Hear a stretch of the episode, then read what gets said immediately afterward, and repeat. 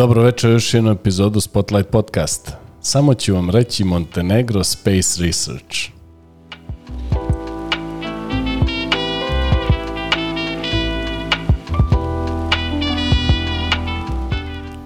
Večeras sa nama je Kotoranin Filip Jovićević sa izuzetno bogatim akademskim i profesionalnim iskustvom. Filipe, dobrodošao u Spotlight Podcast. Bolje vas našao i drago mi je što sam pozvan da gostujem u e, jednom ovakvom projektu koji zasigurno pomaže mladima da se lakše orijentišu u nekom akademskom i profesionalnom putu. Filipe, možeš li, molim te, to je standardno pitanje za svo, sve moje gledalci i slušalce na samom početku, da mi kažeš kad si ti u Kotoru gradu kao mladi momak počeo da razmišljaš o studijama u inostranstvu i koje su tada bile opcije? Pa kao što, kao što znate, Kotor je grad pomoraca. Samim tim i moj otac je svoju e, karijeru gradio prvenstveno kao pomorac, sa svojih 18 godina je počeo da plovi, e, tako da sam ja kao mali uvijek dobio poklone iz raznih država svijeta, znači bilo to da je neki dres iz Brazila ili e, lopta iz Amerike. I to Dan, meni... Danas vrlo aktuelna tema. Da, naravno. tako da ovaj... E, to je mene sve privlačilo, uvijek sam imao jedan globus ovaj, u sobi, e, uvijek su me interesovale te neke druge države kao dijete i možda se upravo tu razvila neka želja da, da e, svoje, da prvenstveno akademski put svoj da gradim u inostranstvu, a onda da probam i karijerno da se ostvarim u, u istom. Ako sam ja dobro razumio kroz tvoj CV, e, osnovna i srednja škola su bile u Kotoru, Jest. nakon čega ti e, planiraš odlazak u inostranstvo na studije i završavaš u Rimu, je li Jest, tako? tačno. U suštini, e, moj prvi odlazak na duže je bio tokom srednje škole. E, uh -huh. Tada sam prisustvovao nekim teamwork e, kursevima u, u Velikoj Britaniji, prvenstveno Oxfordu, Londonu, pa čak i Cambridgeu. I tu se neka moja želja javila, mislim dodatna ovaj za, za životom u inostranstvu i studijama. E, kada je došlo vrijeme da se upišu studija, sam izabrao Rim. E, zašto Rim? Nekako je Italija opet dosta povezana sa Crnom Gorom, bilo je, e, bile su dvije aviokompanije koje su letjele na relaciji, znači nisam bio, da kažem, odsječen od, od svoje države, a opet bio sam ovaj, u inostranstvu nekoj novoj sredini, novoj kulturi, e, da naglasim da je moj fakultet u stvari bio britanski, uh -huh. Buckinghamski univerzitet koji je imao, da kažem, kempus u Rimu. Tako da sam ja u stvari završio University of Buckingham, ali u rim, rimski kampus. Da kažem. Možeš da mi kažeš kako je u tom nekom momentu neke 2011. 12. godine izgledalo pretraživanje tih opcija, kako si baš našao Rim, koje su bili ti filteri, jeli, svi znamo je li tražimo program na engleskom, ako nam ne ide baš da. italijanski, želimo da smo opet u inostranstvu, a blizu kući. Uvedi nas malo u taj moment. E, pa prvo bih naglasio da recimo ja sam tokom cijele osnovne i srednje škole učio italijanski. Tako da meni italijanski nije bio e, strani jezik. E, doduš, e, hoću reći naprotiv, mogao sam i, i da upišem studije na, na italijanskom. Međutim, želja mi je bila e, na engleskom da studiram, pogotovo, eto, to je bio znači, taj Buckingham univerzitet koji je nudio studije, e, program samo na, na engleskom jeziku. E, dok je kao neki dodatna nastava bila isto na italijanskom, tako da sam eto pokrio oba jezika. Kako je tada teklo pretraživanje? Pa i tada je bio, da kažem, ono, kao i sada Google glavna, ovaj, glavni alat za, za pretraživanje. E, malte ne googlao sam najbolji univerziteti na engleskom jeziku u Rimu. Ovo je bila opcija koja je, da kažem, izašla kao broj jedan, možda ne mogu da sjetim da li je bilo sponzorisano ili ne, ali eto, od nekoliko opcija, ova mi se najviše svidjela, program njihov, kontaktirao sam ih e-mailom, dopisivao sam se sa predstavnikom e, menadžmenta e, fakulteta i eto, tako nekako spontano je krenulo ovaj, aplikacija i nakon toga, znate, ide viza, sve ostalo. Znači University of Buckingham in Rome, ili tako u da. Rimu. Uh, to je uh, britanski program. Uh, pretpostavljam da nije prevelika škola, nije onaj tipični univerzitet, ili italijanski Padova, Pavija, ka da. Foskari, već je onako više orijentisan ka studentu, ka tom, jeli, uh, uh, ličnom doživljaju i, ajde da kažem, profesori su posvećeni Tačno. individualno radu sa student, studentom. Može nam malo pisati to neko iskustvo? E, pa evo, kao što ste, kao što ste rekli, e, Univerzitet Buckingham u stvari, on je, za, on je sklopio saradnju sa tom lokalnom, da kažem, e, škol, s lokalnom, lokalnim fakultetom u, u, u Rimu e, i nudili su svoj, da kažem, svoj program. E, nakon što sam ja završio, oni su raskinuli saradnju i potpisali sa novim fakultetom. Uh -huh. Međutim, dok sam ja bio tamo, to je bilo jako, da kažem, na visokom nivou, E, upravo iz razloga što su oni dovodili profesore sa, in, sa inostranih univerziteta, Uh, u Rimu su recimo najpoznatiji Sapienza kao državni fakultet, ima i Roma 3. Meni je recimo matematiku predavao profesor isti koji predaje na Roma 3. Uh -huh. ovaj, mislim matematiku, te ovaj, da kažem matematičke ovaj, e, kursevi i predmete. Ovaj, tako da, no, dosta je bilo, bile su male grupe u, u e, taj jedan klas, kako da, da kažem, ovaj, bilo nas je najviše 30-ak, 40-ak, tako da smo onako bili svi ovaj aktivni, interaktivno predavanje, uvijek je trebalo da se učestvuje.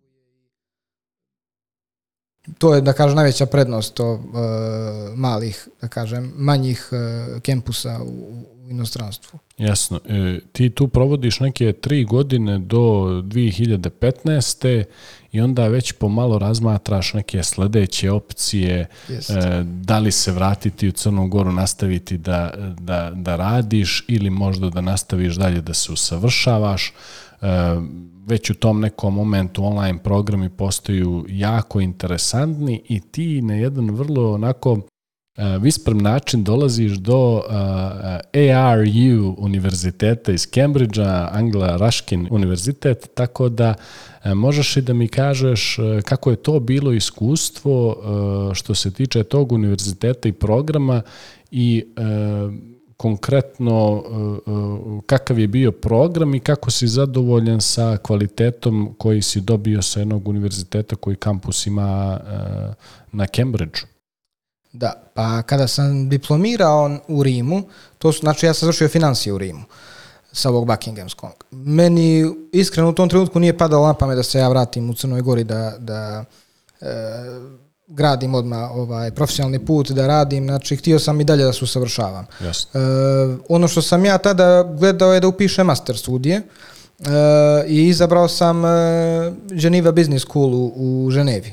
Hmm. E, kada sam znači ja sam to, ok, prošla aplikacija, prihvaćen, otišao sam tamo. Uh, kada sam stigao, tu, znači ja sam upisao International Management u, u Ženevi. Uh -huh. Znači imao sam pokriveno uh, financije u Rimu, imaću uh, management u Ženevi u tom trenutku i razmislio sam jedino što mi fali da zatvorim taj krug u ekonomije marketing. Dobro. Uh, upoznao sam uh, svog kolegu jednog u, u Ženevi, maltene u istoj klupi smo slušali predavanje i on mi je rekao da je on završio marketing na Anglia-Ruskin uh, univerzitetu na Cambridgeu. To je u stvari univerzitet koji je državni, engleski, um, registrovan na Cambridgeu i onako dosta je, da kažem, dobar, popularan, svi znaju za njega ovaj, i on mi je rekao da bi oni mogli da prihvate tu, da, da polažem razliku predmeta, to jest prihvatili bi neke ovaj predmete sa mog prethodnog e, fakulteta, univerziteta i ostalo bih polagao i dobio bih novu jednu diplomu.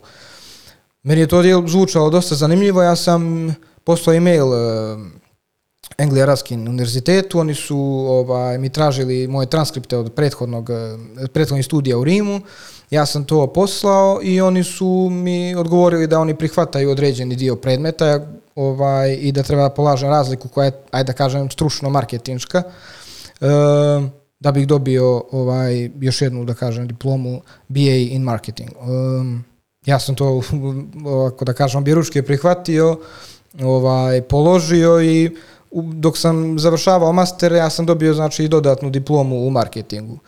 Ako Tako. sam dobro razumio, ti si bio na MBA programu International Managementa Jeste. E, na Geneva Business School, Jeste. inače jako, jako popularna škola koja je neke 95. osnovana, ima kampuse u Ženevi, u Barceloni i u uh, Madridu Jeste. i daje mogućnost studentima da na pola godine obilaze te kampuse i naprosto dok uče mijenjaju sredinu, jeli? da im ne, nikad ne bude dosadno da od e, različitog profesorskog stafa uče nove stvari.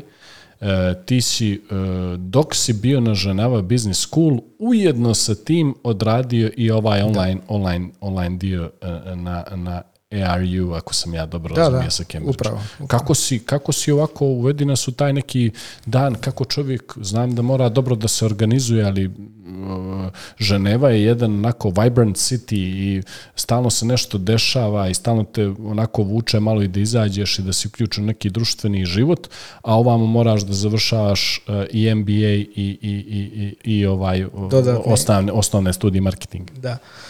Pa, znate, ono kad kažu da nekome neki grad više legne, nekome manje, meni u Rimu bilo lijepo, ovaj, ne mogu da kažem da nije, uh, ali Ženeva mi je bila ono da kažem moj grad, potaman. Tu sam se nekako od prvog dana osjećao kao kod kuće, tako da mi je sve mnogo lakše padalo. Bilo koja obaveza, meni je u Ženevi bilo zadovoljstvo da je ovaj završavam. Tako da, Uh, ja čim sam stigao u Ženevi, uh, meni je cilj bio i da nađem jedan posao u smislu uz studije, pošto s obzirom da MBA, on uh, predavanja počinju malo kasnije, nije ovaj, nisu jutarnja, nego popodnevna, uh, što znači da sam imao vremena da, da neke, u nekim jutarnjim uh, satovima, časovima se posvetim fakult, ću reći nekom poslu.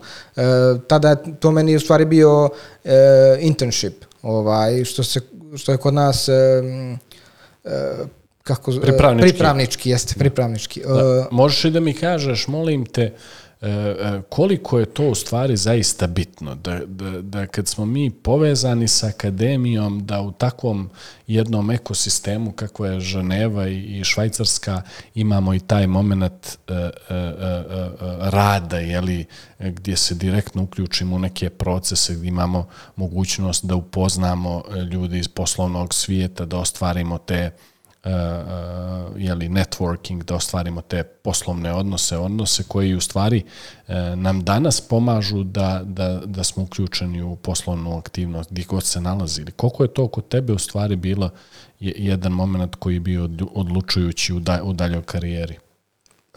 Pa rekao bih da Ženeva sama po sebi je prvo mali grad i e, Ženeva ima idealnu klimu za, za networking, za e, stvaranje novih poznanstava i Ženeva je, znači, svi znamo da je Ženeva grad e, diplomata, UN je u Ženevi, to je ujedno, tu je bio u stvari moj internship e, ujedno, a vratit ću se na to kasnije. Naravno, vratit ćemo se u drugom dijelu. Ali da kažem, eto, to je diplomatski grad. Tu, tu su banke, e, tu su lanci najboljih hotela u svijetu, a, a mali grad. Što znači da e, ljudi se vrlo lako povezuju. I grad sam po sebi tjera da učinite nešto od svog života. Da ovaj, e, sa druge strane, Rim je ono, znate šta je Rim? E, Grad muzej, Italija, onako druga neka, u odnosu na Švajcarsku, da kažem, ležernija, E, Atmosfera. Jeste. A Ženeva je nekako e, poslovni, poslovan grad, no ne nudi mnogo sad, ako ljudi gledaju e, provod noćni, to Ženeva ne nudi sad neke opcije, ne znam ni ja, ali e, za neke druge stvari, za, za neki hedonizam je, da kažem, idealna, e, idealna sredina. Tako da, naravno, me, kao što sam e, pomenuo, meni je cilj bio da nađem e, e, taj internship. E, ja sam se povezao sa e, crnogorskom misijom pri Ujedinjenim nacijama. To mi je bio prvi kontakt e, i oni su mi izašli u susret i maltene odmah mi ponudili, odmah mi ponudili ovaj e, posao. Imao sam svoju kancelariju, radio sam sa našim ambasadorima, ali sam prisustvovao svim sastancima Ujedinjenim nacijama koji se tiču e, internacionalne trgovine, znači international trade, e, ekonomskih pitanja, klimatskih promjena, sve ono što je mene zanimalo. Tu sam imao priliku da sretnem e, ljude koje do tada sam imao samo priliku na televiziji da, da gledam ono što mi ni na kraj pameti nije bilo da ću da ovaj, s njima e, uživo vodim neki možda mini razgovori i, i slično. To su bili ambasadori e, e, država svih e, na svijetu. Onda e, redovno su dolazili i predsjednici, premijeri, tako da Ovaj, koliko su takvi ne, koliko je takvo neko iskustvo bitno u razvoju jednog mladog čovjeka i koliko je bitno da uporedo sa željom da se akademski nadogradimo i da imamo i taj master i da idemo ka, ka doktoratu, da naprosto paralelno gradimo jednu profesionalnu karijeru i upoznajemo sve te ljude koji će nam kasnije e, vrlo lako moguće trebati na, na nekim raznim našim projektima i inicijativama koje, koje planiramo da imamo. Ja bih rekao da je to više, ja to posmatram s neke psihološke strane to je meni individualno. E, neko se zadovolji lupam sa osnovnim studijama i nađe posao i krene da gradi svoju profesionalnu karijeru. Neko želi da završi master, neko ide i na doktorske studije. Znači to je sve koliko čovjek je gladan ovaj uspjeh. Da, da uspjeha i dokazivanje. I dokazivanje, da. E, ja kad me neko pita što, što je moja najveća vrlina, ja kažem ambicija, a kad me pita amana, ja isto kažem ambicija, jer to je neki mač sa dvije oštrice, ja sam vrlo ambiciozan, e, ali pripremam sebe psihološki za stvari koje e, slijede, jer e, znam ako ne, ne mogu da ustanem posle neuspjeha, onda ta ambicija može da se obije o glavu opasno. Tako, da, tako je. Tako je. Dobro, e, uspješno završavaš e, svoj MBA program. I, završio sam ga već. E, završio si ga već i nakon toga e, gdje te dalje vodi životni put? Ajde ovako, znači ja sam e, radio pri Udim nacijama, ta internship, To je trajalo nekih godinu i nije preko godinu je to okay, bilo. Okay, Ali e, na fakultetu poznajem prijatelja. E, prijatelj koji je polu francuz, polu švajcarac, ajde da kažem, vodi se kao švajcarski sad već izgrađeni državljen. biznismen. da, i državljen ali i, i biznismen. Uh, Arno, to mi je, uh, ja sa njim uh, ova, uz neku konverzaciju dolazim do toga da imamo neke, da kažem, vrlo uh, slične, ako ne iste vizije na, na budućnost u smislu kako da gradimo svoju karijeru. Uh, ja i on smo završili kao što, što znate te fakultete koji su mali, interaktivna predavanja, to su fakultete koji spremaju ljude da budu preduzetnici. Tako Više je. nego što spremaju ljude da rade za nekoga. Tako je. Uh, to je opet mač sa dvije oštrice da ovaj, kažem, znači nije uopšte E, sad da mi neko ponudi neku lijepu platu, ovaj, potpisao bih doživotno da, da radim za nekoga, da ne moram ako sam da se mučim. ovaj. to, to je život preduzetnika. Jeste. Uglavnom, imali smo tu istu viziju e, u smislu da se bavimo nekim konsultingom i konsjeržom. E, otvorili smo zajedno firmu u Ženevi. E, on kao švajcarski državljanin da kažem papirološki je sve to ovaj lakše uh, završio. Ja sam bio tu kao neki business development konsultant. Ono, znači ja, moja zaduženja su bila da uh, plasiramo našu uh, firmu na tržištu. Znači da polako ljudi čuju za nas, da imamo da stvorimo nek, neku bazu naših klijenata koja će biti mala, jer je to da kažem startup ovaj od koje možemo da da imamo neku korist, neki profit. Ovaj uh, kao što sam već pomenuo, Ženeva je vrlo laka za, za networking i mi smo vrlo lako, da kažem, e, izreklamirali e, naš produkt, eto tako da nazovem, e, pogotovo što naravno imamo sada i, i, i socijalne mreže, imamo Facebook, LinkedIn. Tako je, društvene mreže, da. platforme razne. Tako da je vrlo lako, znači sad može da se sponzoriše i svi vide, tako da ovaj, stvorili smo to i eto, nakon nekog vremena ja sam odlučio da ta, da to iskustvo što se tiče konsultinga i konsježa prenese mi na Crnu Goru. Zašto? Zato što e, Crna Gora nudi po meni prirodu koja može da parira Švajcarskoj. Što više, Švajcarska nema more. E, Napravi nam tu jednu paralelu, upravo si krenuo. Da. Pa evo, reći ću, može da parira e, Crna Gora Švajcarsko, ali samo po, po pitanju ljepote prirode. Ostalo, nažalost, mnogo smo daleko, što ne znači da u nekoj budućnosti nećemo e, dostići taj nivo. To je meni cilj bio da ja sam radio i na par projekata u Crnoj Gori, e, to ste mogli vidjeti u mom CV-u. To su bili lijepi projekti i ja sam gledao da iz tih projekata izvučem neku pouku i ono što sam vidio je da u Crnoj Gori e, fali malo te poslovne etike, da to treba da se ovaj podigne na veći nivo, što je bila da kažem dodatna motivacija da ja pokrenem ovu priču ovaj i u Crnoj Gori kao nazvao sam je Legacy Solutions.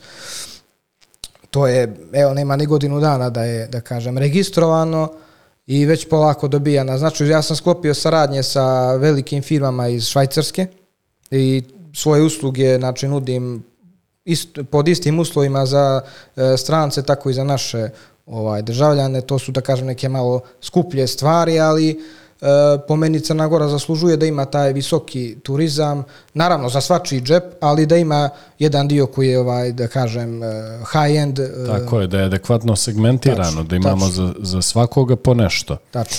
E, molim te, malo mi ispotenciraj taj, taj moment koliko je važno da mladi čovjek investira u sebe, da uh, ode E, da se baci u takve neke okolnosti kakva je Ženeva, da upiše takvu jednu školu i možda najbitnije kroz tu školu dobije upravo tu vrstu e, spoznaje i networkinga koje mu dalje omogućava da, da, da nastavi da radi. Ako sam ja dobro shvatio, tvoj poslovni partner je neko koga si ti upravo upoznao na univerzitetu. Da, da, da naravno. Dijeli smo takođe klupu, da kažem, ovaj, na univerzitetu.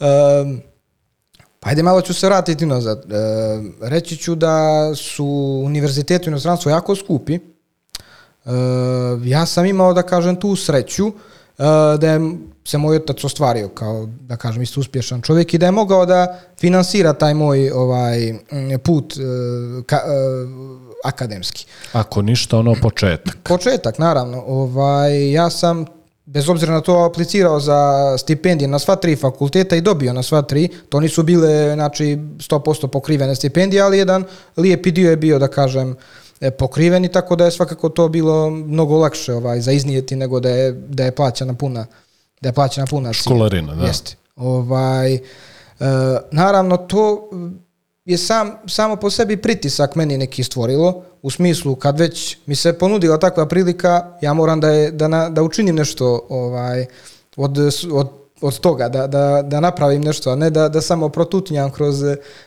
te države, a da ništa ne ostvarim, nikakav kontakt, da nemam nikakvu ideju za budućnost iz toga da, da izvučem. Tako da, da je to bio neki pozitivni pritisak ovaj, na mene i kao što sam rekao, u Ženevi je vrlo lako bilo ovaj, steći poslovnog partnera, prijatelja.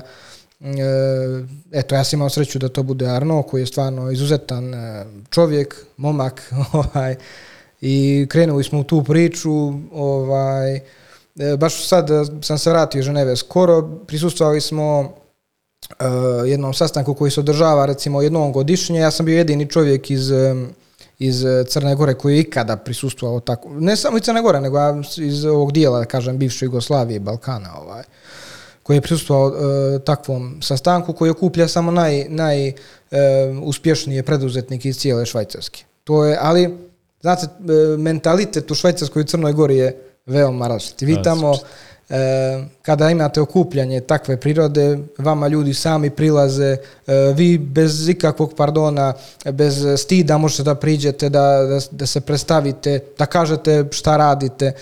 Ovdje sam primijetio da je to malo ovaj, drugačije, to je ono što sam pričao o nekoj etici, kulturi poslovanja. Ovdje, no, ako vam neko priđe, već posmatraju malo sa neke, da kažem, e, sumnjičave strane šta će ovaj kao šta sad došao onda meni priča ko je što je ovaj to je to što ja pokušavam kroz legacy kroz svoje poslovanje da dam primjer drugima kako treba da se ovaj posluje kako treba da komuniciramo među ljudima. Nisam ja izmislio toplu vodu ne, ne kažem ovaj ali kroz neki svoj primjer svoje iskustvo koje sam stekao eto pokušavam to da primijenim i na domaće tržište.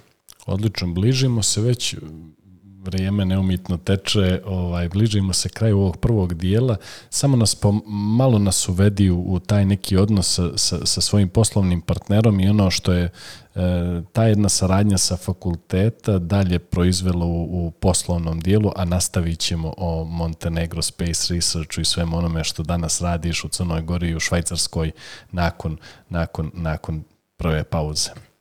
Naravno, ovaj, e, kao što sam napomenuo, o, vrlo je lako, o, vrlo je lako sklop, e, sklopiti prijateljstva u jednoj takvoj sredini, e, tako da moje konekcije e, nisu bile pretežno iz, da kažem, mog nekog svijeta, biznis svijeta, nego su tu bili ljudi iz naučnih krugova e, i tako dalje, tako da jednom prilikom sam e, sjedao u kafiću u Ženevi ispred jednog hotela, Four Seasons, to je da kažem najbolje mjesto gdje možete da, da sjednete, da upoznate uspješne ljude ovaj, i gledate, imate pogled na jezero. Tu smo sjedali i bili su tu ljudi iz Berna koji su iz naučno-istraživačkih krugova. Oni su upravo pričali o nekom istraživanju svemira, značaju nauke e, na svijet i da kažem, pomenuli su neku konekciju između biznisa i nauke, koliko to u stvari nije daleko jedno od drugoga. Pa evo sami primjer Elon Musk koji nije naučnik, a evo vodi, da kažem, najveća naučna, e, najveća naučna preduzeća poput e, SpaceX-a ili Neuralinka, tako da ovaj, i meni je tu sinulo kao zašto ne bismo se i mi bavili u Crnoj Gori, pa makar na nekom amaterskom nivou.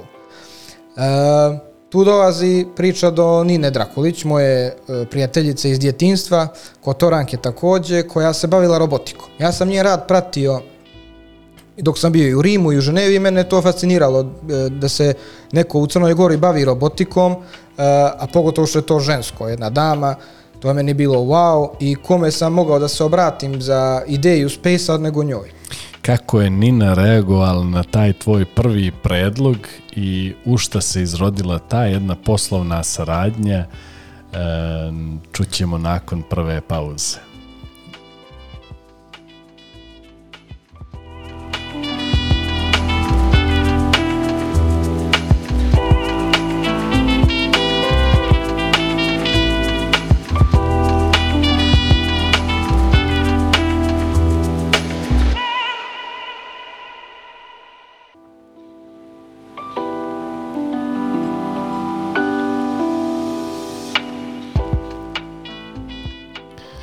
Evo nas nakon kratke pauze sa nama Filip Jovićević. Malo ćemo da pričamo o Montenegro Space Researchu.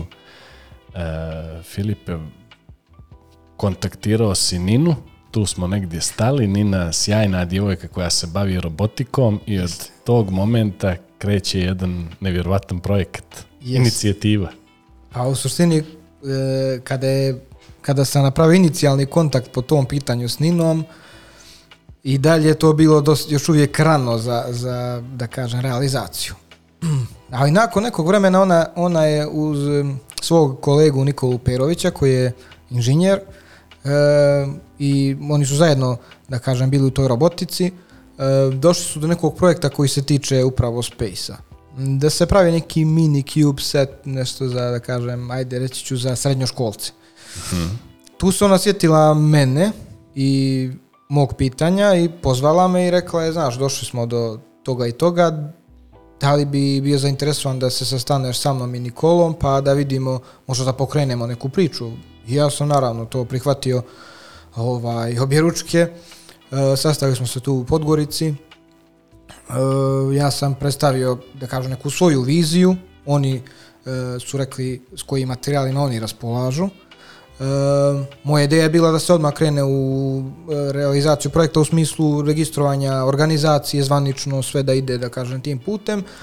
I e, oni su imali taj, da kažem, projekat za srednjoškolce, a moja, moja ideja je bila da se to stavi po strani da se krene u neki ozbiljan projekat.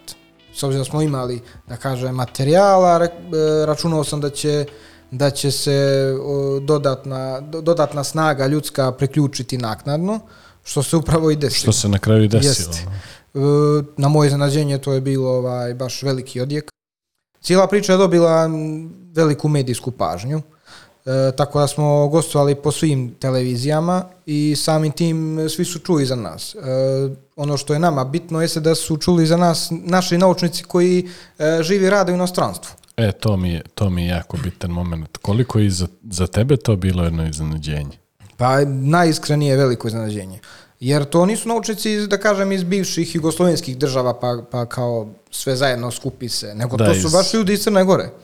E, ljudi iz Crne Gore, e, mladi ljudi iz Crne Gore koji su ostvarili nevjerojatan uspjeh i po meni, žali Bože da, da, da nema više e, priče, njihov, pomena ovaj, o, o njima kroz da kažem, medije i sve ostalo, jer to su ljudi koji na najbolji način predstavljaju našu državu. To su naši ambasadori. Uh, ajde, pomen, znači, sad je već toliko ljudi u organizaciji da, da ne mogu sve da ih nabrajam, ali ovi koji su tu u startu među prvima se javili, uh, recimo Mija Jovetić. To je cura koja je raketni inženjer. Znači, ja ne znam kako sad e, ljudima da, da predstavim što znači biti raketni inženjer. E, riječi nisu dovoljno uh, snažne da, da. opišu uh, tu, jednu, tu jednu moć nauke i šta Jest. je sve ta djevojka, žena postigla u nauci i šta, na čemu danas radi ona i još, još jedna saradnica sa kojom si ostvario kontakt. Pa što se Mije tiče, ona uh, živi i radi u Holandiji. Ona je u Holandiji završila i, i studije koje se tiču inženjeringa. Uh, master studije za raketni inženjering. Mija, da s, ne bih da se prevarim, ali Mija, Mija ima otpili, ne, ne znam, ima li 25 godina i, i ima već master rad i radi za uh, firmu koja se bavi raketnim inženjeringom koja je jedna od naj, najjačih u, u Holandiji. Uh, Uh, tako da to je meni bilo wow. Uh, jedan nevjerojatan adut za našu organizaciju. Ona je recimo dosta sarađivala u dosadašnjem radu i dalje, mislim, sarađuje sa Nikolom, on je jedan od tri osnivača, glavni inženjer, e, oboje su, da kažem, iz tog inženjerskog dijela organizacije, tako da on bi recimo dao neki zadatak da odradi, ona pošalje knjigu, maltene, ovaj, odradi ne samo taj zadatak, nego još dodatnih deset, ono sve u detalje koliko ona ovaj temeljna, koliko zna stvarno posao, tako da e, bio sam duševljen e, činjenicom da neko takav želi da, da, da radi, da kažem, i to na volonterskoj bazi, da naglasim, e, pri, pri Montenegro Space Researchu. E, da, da se zaustavim samo ovo što se volontiranja tiče. Mi smo, znači, organizacija mlada, nismo imali financija iz početka da ovaj, finansiramo ljude sa strane, jer smo sami finansirali svoj projekat. E, međutim, par firmi iz Crne Gore, e, neke državne institucije su prepoznale značaj svega toga i krenuli da nas podržavaju. I sada mi, u suštini, nama jedan od ciljeva da razvijemo, e, da komercijalizujemo neke naše proizvode, tako da imamo jedan, da kažem, cash flow na, na dnevnom, mjesečnom nivou, što može da isplaćuje naše inženjere, naučnike i samim tim da priučemo još više ljudi i, i moram da, da kažem da smo na dobrom putu i da za vrlo kratko vrijeme smo uspjeli da napravimo nevjerovatne uspjehe. Da nastavim sa ekipom, znači onda priključila nam se Jelena e, Pečurica iz Kotora. Ona, nju recimo ja znam izviđenja, ovako jer smo oboje iz Kotora, ali onda nisam čuo dugo za nju, a onda se javila sa CV-em i onda vidim da ona živi, radi u Češkoj već duže vrijeme, uh, udata tamo ima dijete, uspješna, radila je čak pri Evropskoj svemirskoj asocijaciji, agenciji ESA, onda radila je u planetarijumu u Pragu, E, što znači ima background koji se tiče takođe svemirskog istraživanja, po struci inženjer telekomunikacija. Sada radi u Telekomu i želja je bila da, da se priključi ovaj, e, MSR-u, što smo mi naravno ovaj, obiruške prihvatili. Ona je zadužena recimo da, da radi projekte koji se tiču finansiranja od strane Europske unije i to nam je velike pomoći svakako. E, takva jedna inicijativa se e, izrodila u još veću regionalnu inicijativu yes. gdje ste vi napravili jednu asocijaciju da kažem bivših, bivših federalnih republika Jugoslavije. Možeš li nam malo više reći o tome? Naravno. Mi uvijek kada bi gostovali na nekoj televiziji uvijek je bilo pitanje e, šta nam je cilj. Mi imamo nekoliko ciljeva, ali uvijek jedan od njih e, naglasili, bismo, naglasili bismo da postaknemo ljude iz susjednih manje razvijenih država da krenu u realizaciju sličnih projekata, jer e, to je zdrava konkurencija gdje možemo svi zajedno da, da dosta napredujemo. Tako mi smo recimo kontaktirali ljude, i, to je s nama su se javili kada su čuli e, isto po medijima, jer mi smo i u Srbiji izašli u razne e, medije, tako da su ljudi koji se bave s tim na materskom nivou iz tih država javili se nama. Neki na materskom, neki su, ja da kažem, bili ono i malo izgrađeni isto, E, poput Hrvatske, ali oni su nam se javili i mi smo stvorili tu organizaciju koju smo nazvali SESA, Southeastern European Space Association. E, tako da sa SESom imamo upravo jedan projekat koji se razvija, koji je vrlo, vrlo e, zanimljiv, a u pitanju je e, da šaljemo dječju maštu u svemir. E, šta to znači? To znači, mi smo sklopili kao SESA saradnju sa e, Indijskom svemirskom asocijacijom, agencijom njihovom glavnom. Uh, oni su vrlo uspješni na, u polju, da kažem, svemirskih istraživanja. Oni imaju svoje kosmodrome, odakle lansiraju e, svoje rakete, satelite. Jedan od projekata se odnosi, znači, 75 godina e, nezavisnosti od britanske krune i u tu čas oni šalju tri rakete svoje sa 75 svojih satelita. E, oni su zbog saradnje sa njima e, ustupili nama jedan od tih satelita, da ga mi modifikujemo po našoj želji i da ga pošaljemo u, u svemir na 220 km visine. Mhm, zanimljivo. Mi smo razmišljali šta, koja bi to bila najbolja svrha tog satelita i onda smo odlučili da uh, uključimo mlade ljude iz svih bivših država Jugoslavije, da, da, da kažem, budu svjesni na neki način čime se bavimo. Tako da smo pokrenuli sa školama i vrtićima, uh, uh, da kažem, uh, jedan proces da se djeca, da djeca u tog uzrasta crtaju crteže na temu svemira. Ima forma koju smo napravili na sajtu, ona postoji gdje mogu da roditelji te djece ili ta djeca sama ako umiju da se koriste, da uploaduju ta, svoj rad na E, tu formu, to stiže nama naravno u centralni registar, e, mi to digitalizujemo, sve prebacimo, kad završi akcija, prebacimo na jedan, jedan flash drive koji ide u satelit i to se šalje e, u svemir. Jako zanimljiva priča, sad me ovo podsjeća na ona prve, prva putovanja u svemir i kad su, kad su sa, sa, sa, sa planete Zemlje slali jeli, e, e, ploču ako, ako, neko, ako neko iz out of space dođe do te ploče da čuje kako mi imamo i, rock and roll, kako imamo i neke autohtone melodije i tako dalje.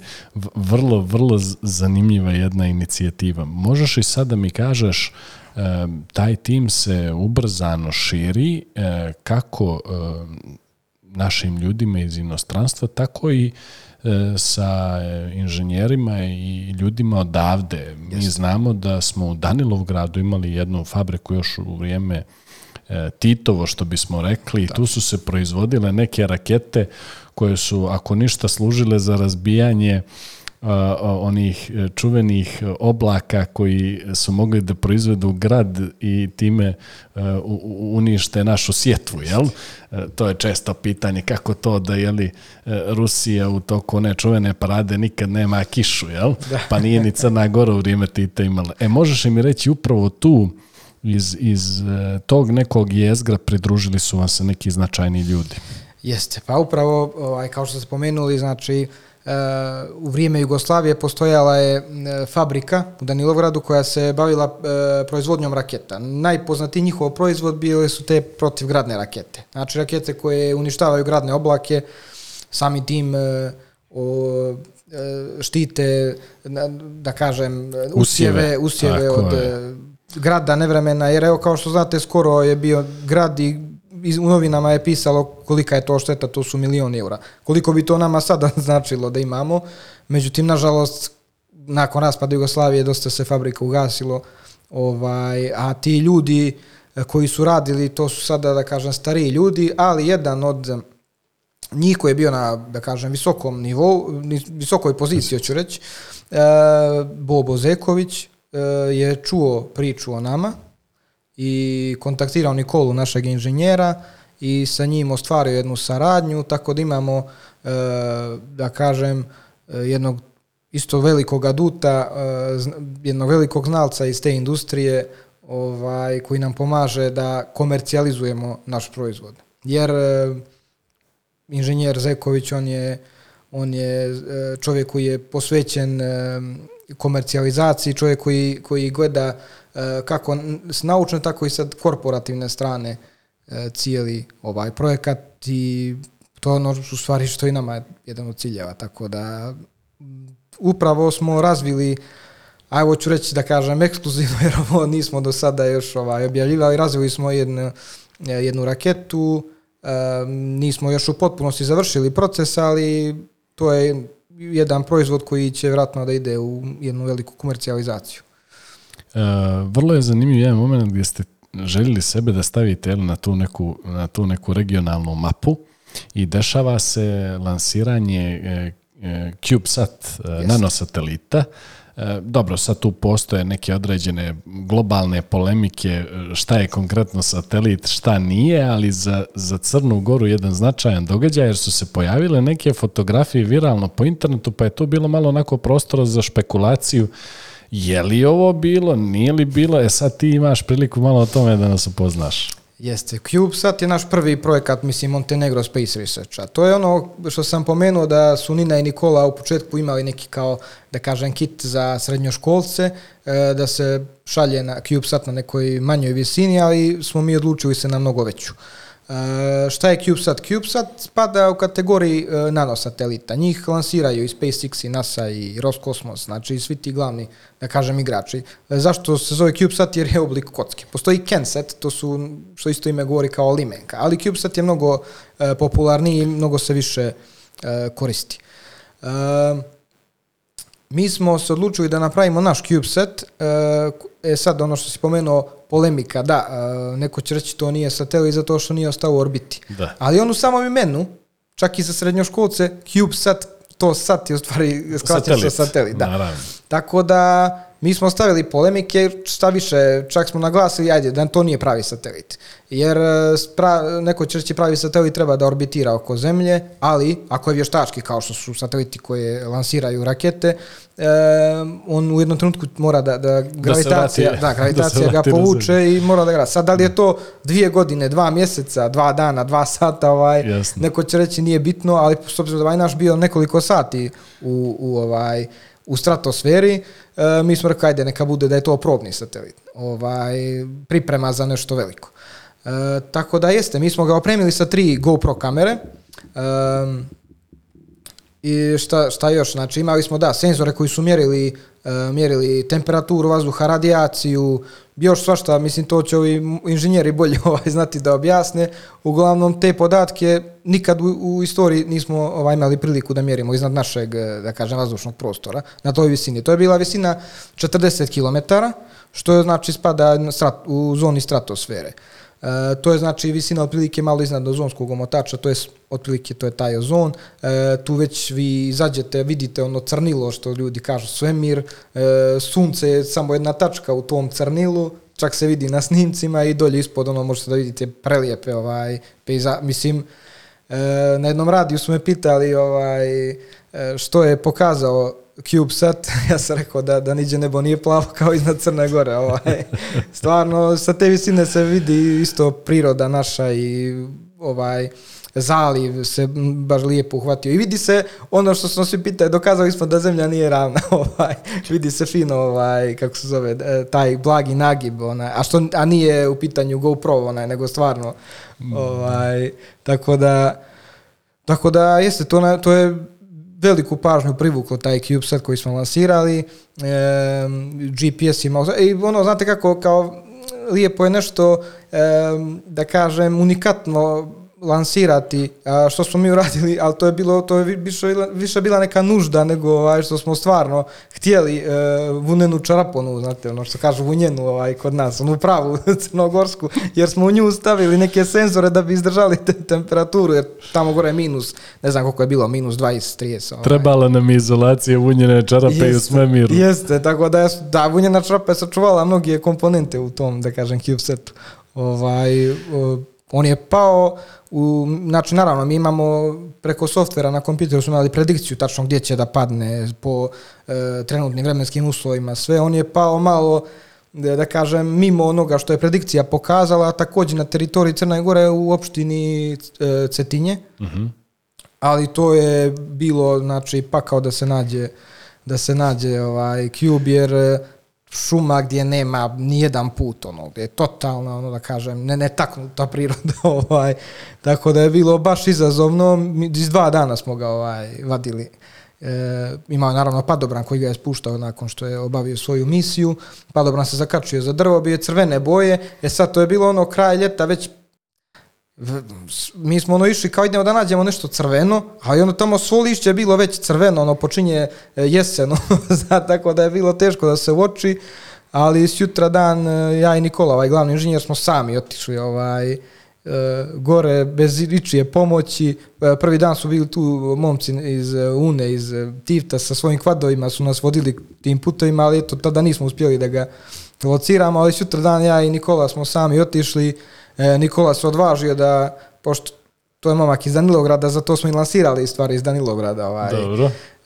da bude simbolično i sela Višo, ću to je bilo, ovaj, to je njegovo selo i naravno on je tamo navikao na, na, takvu, na takav teren i on je rekao kaj idem ja i samo je nestao među ono da kažem drveće, kamenje, ja sam ga čekao ono, e, nije bilo signala nikakvog za telefon, ono tako da su se dozivali ono, ovaj, da kažem, e, vikali jedno na drugo da, i to odjekivalo i posle par sati vratio se sa ovaj, kubom u, u rukama, ovaj, to je jedna kocka onako velika, ono, mislim malo veća, nije sad prevelika, ali u njoj su sve te komponente i ovaj i onda nam je bilo kao da li je izdržalo, da li su kamere izdržale, da li su senzori izdržali da ovaj hiljadu i jedno pitanje. I mi nismo mogli da izdržimo, mi smo imali laptop kod sebe, mi smo gore na tom toj ne dođi, maltene, odmah laptop izvadili i ukopčali ovaj kamere na USB sve ovaj kablom E, da, i kad smo vidjeli ono snimke, ono, da, se, da smo do, dosegli ono gdje se vidi svemir i to i o, mi smo bili, to je to, misija uspješno obavljena. Naravno, samo da napomene, to sam zaboravio, u cijeloj toj realizaciji pomogla nam je jedna firma iz e, Podgorice, koja je među prvima prepoznala značaj svega i prva je, da kažem, e, donirala velike financije. Mislim, nije to bila donacija kao je vama novac, pa vi radite što ćete, nego smo imali neku, da kažem, e, saradnju u smislu, ajde, mi ćemo napraviti jedan e, budget plan i ovaj cijeli taj biznis plan što ćemo da radimo od tog novca koji ovaj tako da imaju koristi i oni i mi nama je bila obaveza da njihov logo lansiramo na toj visini što smo uspjeli ovaj to smo ovaj U, upravo se upravo se taj fotka pojavila sa logom i onda Jest. hiljadu jedno pitanje je li E, šta je ovo, je li ovo zaista ili je u pitanju neki, e, neka fotomontaža i tako dalje. Ne, ne, ne, to... jako, jako zanimljiva priča. E, sad smo razjasnili, krenulo iz Danilovgrada, ali ipak završilo ju dolinu bogova i to ima neku svoju simboliku i e, jako mi je simpatično da već iz Cetinja kao jeli jednog dijela Crne Gore, odakle uvijek e, izvire nevjerovatni humor, nemamo i na, i na tu temu neki, neki, ne, neki vic ili neku priču, ali, ali nije isključeno da ćemo imati nakon ovog podcasta. Rekli su nam sutra dan u stvari da The Books of knjige su pomenuli to u nekom svom, da kažem, ovaj, svojoj emisiji, ali nisu uspjeli da vidimo šta je tačno bilo, ali kao bili su, nešto su potkačili, što je meni milo, jer ja ovaj, obožavam da su knjige, tako da, da, a ono što si pomenuo, jeste lansiran iz Viša, dakle Nikola, a po predikcijama je trebalo da padne na rijeku Crnović, odakle sam ja, ovaj, tako da na kraju je malo, ovaj, da kažem, pomjerio putanju, ali isto blizu je bilo, ovaj, vazdušne linije vrlo, vrlo blizu. Na pušku me. da, da. Odlično. E, šalu na stranu, možeš i samo kratko da mi kažeš u kom pravcu misliš da će dalje da ide Montenegro Space Research i e, sad već ti polako uključuješ i svoje partnere iz Švajcarske u sve to i, i sa, sa velikim brojem ljudi iz Crne Gore. E, gdje misliš da će vas taj put odvesti i koji su neki planovi za budućnost? Znači, mi smo uvijek kao jedan od ciljeva, glavno je bio da razvijemo e, e, svoj način lansiranja koji će biti, da kažem, uh, imat će tu etiketu ekološkog u smislu manje će zagađivati prirodu, manje će se goriva trošiti pri samom lansiranju i to je uh, uključivalo znači lansiranje uz pomoć meteorološkog balona. Što znači meteorološki balon podigne raketu do neke visine nakon čega se on aktivira. Samim tim manje se goriva troši u odnosu na kada bi se ovaj lansirala sa površine ono dozdo. To nam je jedan od ciljeva. On nije dovoljno istražen u svijetu. Postoji zvanično, već duž desetinama godina unazad je neko to ovaj, krenuo da se razvija, da, da razvija to, ali nije dovoljno razvija. Nama je bio cilj da malo to istražimo više. U međuvremenu, naravno, kako se ljudi novi priključuju, nove ideje se otvaraju, mi, smo, mi sad imamo već nekoliko drugih, da kažem, već projekata. Jedan ovih sam pomenuo u smislu komercijalizacije jednih e, mini raketa koji će sa malim motorima, koji će, znači, ljudi moći da se stave sami, e, Također ćemo napraviti za djecu sa, sa vodenim, e, da kažem, pritiskom da, da ispaljuju rakete i to su stvari koje ćemo da nudimo velikim lancima. tipa kao što je Walmart u Hrvatskoj i ovdje ima čak i ovaj Kidsland kod nas ili tako, mislim tako nekim da kažem gdje bi mogli da otkupe proizvodi da što je bilo sjajno da imamo u Crnoj Gori jedan na, takav naš proizvod. E, to je, da kažem, e, cilj komercijalizacije. E, ujedno radimo i na e, proizvodnji našeg satelita pravog, to nije ovaj Cube koji smo već konstruisali koji je ovo poletio, nego satelit koji će da ide na minimum 220 km. 220 km u stvari ta idealna visina, ovaj, jer sateliti idu i na više, idu i do 400, 600, ali kažu da na 220 je već ono, e, dovoljno je blizu zemlje i mnogo bolji podaci se ovaj prenose.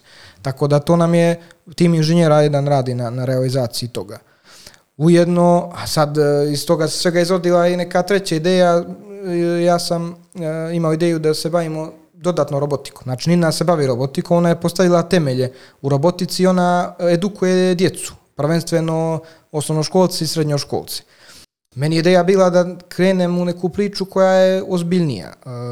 Ja nisam, kao što sam pomenuo, ja nemam nisam inženjer, nemam to neko iskustvo ni akademsko ni profesionalno osim naravno ovoga, ali volim da ulažem u neke stvari koje će sutra da e, donose neki e, neku, lije, neku lijepu budućnost za sve nas, tako da ovaj, samim tim su stvorili taj Advanced Robotics Solutions, to je firma koja je u razradi i već imamo par proizvoda koje sad upravo za vikend predstavljamo nešto na klimatonu. E, za monitoring recimo rijeka, e, mora. Reci nam malo o tome, molim te. Pa znači to je proizvod prvi da kažem koji imamo e, od Robotic Solutiona, to je mm, znači ima taj sistem za monitoring. Eto to je WMS Water Monitoring System. Da.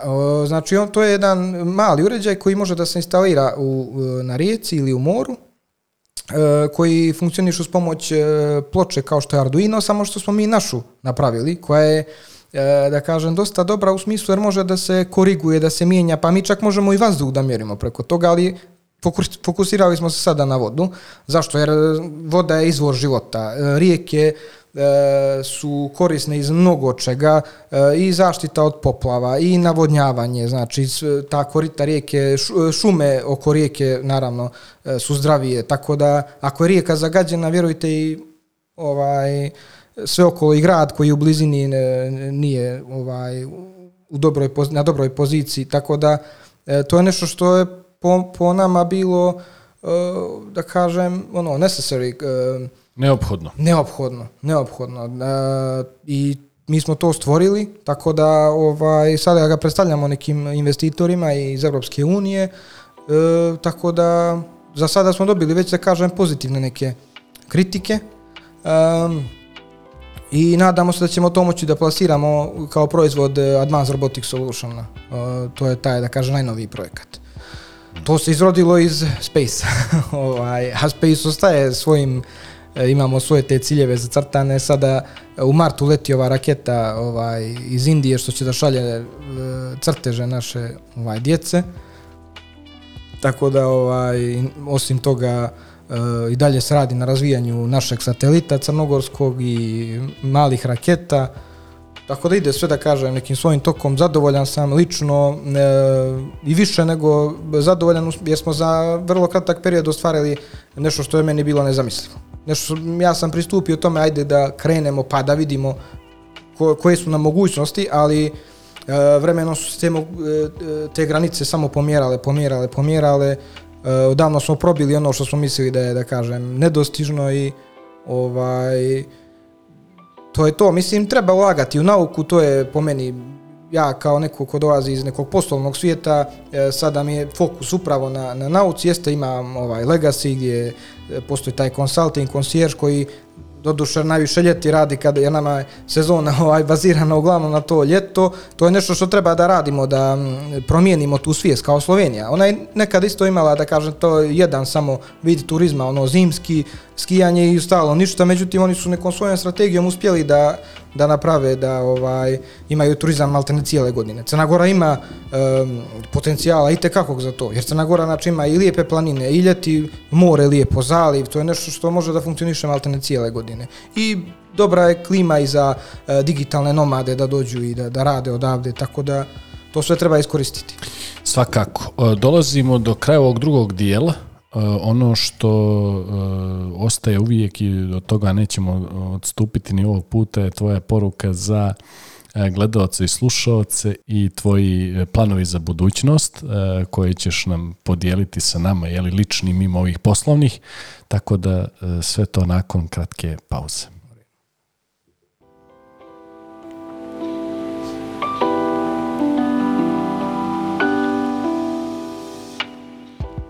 Evo nas nakon druge pauze, večeras jako zanimljiv gost, Filip Jovićević. E, pričali smo o Montenegro Space Researchu, sada će nam malo ispričati o svojim e, planovima za budućnost i poruk, poruk, poruku će imati za sve vas. Prije nego mu dam riječ, želim ovom prilikom da vam se zahvalim na podršci koju nam upućujete, već preko 2000 subscribera, naš YouTube kanal glavna platforma za sve koji gledaju, a nisu se subscribe-ovali, pozivamo ih da to sada urade.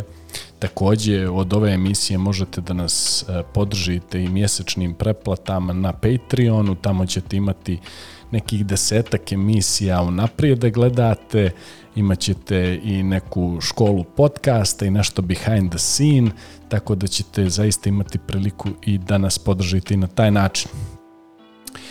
E, Filipe, i za nas jako zanimljiv podcast, puno ti hvala na tome, možeš i za ovako za kraj da mi daš neke svoje lične e, planove za budućnost i neku poruku svim našim slušalcima i gledocima. Prvo da naglasim da mi je bila čast gostovati na ovakvom projektu. E, moja prva poruka mladima je da upravo što više gledaju e, ovakvih stvari, podcastova, e, reći ću sad najiskrenije, ja sam uvijek onako iskren, brutalno iskren, ne može svako da iznese podcast na, na da kažem, najbolji mogući način, ali ovo je prva liga meni. Puno ovaj, ti hvala, tako puno da, ti hvala. Zadovoljstvo je obostrano. Naravno. E, što se tiče ličnih planova, ajde reći ako sa Montenegro Space Researchom imam sreće u smislu da to ide sad već nekom svojom e, putanjom, znači ne moram toliko da se ovaj opterećujem jer je to krenulo uzlaznom putanjom i imam osjećaj kao da to ide da to ne može da se zaustavi. Da, to je sad uh, Montenegro Space Research je na autopilotu. Jest, na autopilotu upravo. Naravno, tu smo da ovaj, svako obavlja svoj dio posla, Svaka. ali ne moramo da brinemo za budućnost, ali to je velika sreća kad za neki svoj projekat možete da kažete da ne brinete za budućnost, jer ono što je bilo cilj je da mi stvorimo tu neku platformu na kojoj će buduće generacije moći da se razvijaju. Tako da ti budući naši raketni inženjeri, ljudi koji budu cijeli da se bave svemirom, imaće gdje da, da rade u, u, u Crnoj Gori. Neće morati da, da traže automatski druge zemlje ili čak zemlje okoline. Pa evo, nadovezujući se da je Albanija recimo potpisala neki sporazum sa SpaceX-om, ovaj, lansirat će svoje neke satelite u vrijednosti od nekoliko miliona eura, što je veliki podvig za jednu Albaniju. A, a evo i mi smo napravili jednu, jednu lijepu priču i ono što najbitnije je da, da će sutra e, to da postoji, da nije bitno da li ću biti tu ja ili Nikola ili neko e, treći, bitno je da neko radi na tome da unapređuje iz godine u godinu i da to bude ovaj dok postoji svemirski program u svijetu da postoji u Crnoj Gori. Sjajno. E, što se tiče tvog akademskog iskustva, e, gledaoci možete naći linkove u opisu ovog profila i za Anglija Raskin univerzitet u Cambridgeu i za Ženeva Business School koji toplo preporučujemo sa kampusima u Barceloni, u Madridu i naravno u Ženevi, što samo ime kaže. E, možeš i ovako za kraj svim mladim slušalcima i gledalcima da pošalješ neku poruku, mada je većina naše emisije jedna jaka poruka. Jeste. Pa evo, s obzirom da smo u Crnoj Gori, e, reći ću da mladi treba da se fokusiraju prvenstveno na sebe, na svoj e, self-development, znači na svoj lični rast, razvoj. uspjeh, razvoj. E, što se tiče e, preporuka, ja bih rekao da Crna Gora nudi mnogo toga što se tiče poslovne strane, neka se ljudi malo više okrenu u zaštiti živote, životne sredine, e, zero waste management kod nas tek treba da zaživi, to je nešto što može da donese svakome jedan lijep profit, neka moja eto ideja za ovaj mlade ljude ako će da se krenu baviti sa takvim nečim. Jer e, svi e, projekti koji se tiču održivog razvoja su na velikoj cijeni i velike su šanse da će dobiti potporu iz Europske unije i velikih organizacija. Ja lično sam takođe e, uložio na, na sjeveru Crne Gore u jedan projekat eko, da kažem, Eco Village E, malih kućica koje će ovaj koje su u podnožju novih skijališta iz, iz, kao etno selo. Kao etno selo, eto samo što će biti ono uh, radit će to konzime jer je u podnožju skijališta, ima Sve. pogled na nova ova skijališta. Uh, sve je eko da kažem rađeno, ovaj gledali smo da to bude baš u skladu sa svim uh, zakonima i našim i uh, evropskim po pitanju zaštite ovaj E, životne sredine i nuđenja, da kažem, tih ekoloških usluga i, i svega toga. Tako da to je jedan od, da kažem, projekata u razvoju. Ljudi koji imaju, koji žive na sjeveru treba da iskoriste to, ovaj, svako da, da organska proizvodnja, mislim, toliko jednostavno zvuči, a toliko dobija na cijeni. E, sada baš kada sam bio u Kataru, e, kako je Katar, da kažem, pun e, nafte, gasa, pa ljudi pričaju ovaj, kako je to zlato, voda će da bude u jednom trenutku zlata. Znate, u Meksiku fali pijaće vode, Južna Afrika takođe, mi imamo toliko izvora, ovaj, to je nešto što treba iskoristiti, to je, to je, to je da kažem, buduće zlato, ovaj, buduća nafta, mislim, s jedne strane, nažalost, s druge, ovaj, je to jedna prilika za Crnu Goru, jer je ona bogata izvorima i eto, to je što bih preporučio mladima gdje da se orijentišu i naravno da E, svi budemo, da kažem, dobri ljudi, da ne gledamo kako nekome da podmetnemo, nego da stvaramo sinergiju sa ostalima, da sarađujemo, jer mala smo država, treba da, da svi zajedno ovaj, napredujemo i samo tako ćemo uspjeti kao zajednica. Filip, puno ti hvala na ovom jednom gostovanju, na svim ovim porukama, na ovom jednom iskustvu oko jednom motivacionom govoru. Puno ti hvala na tome u ime mojih slušalaca i gledalaca i jedva čekam da sa nekim novim projektom, da sa ovim novim velikim satelitom koji će pomjeriti te granice dođeš i ovako ekskluzivno za Spotlight podcast preneseš e, neke, neke ključne momente tog projekta. Naravno, još jednom bila mi je čast i rado ću se odazvati novom pozivu. Hvala ti još jednom.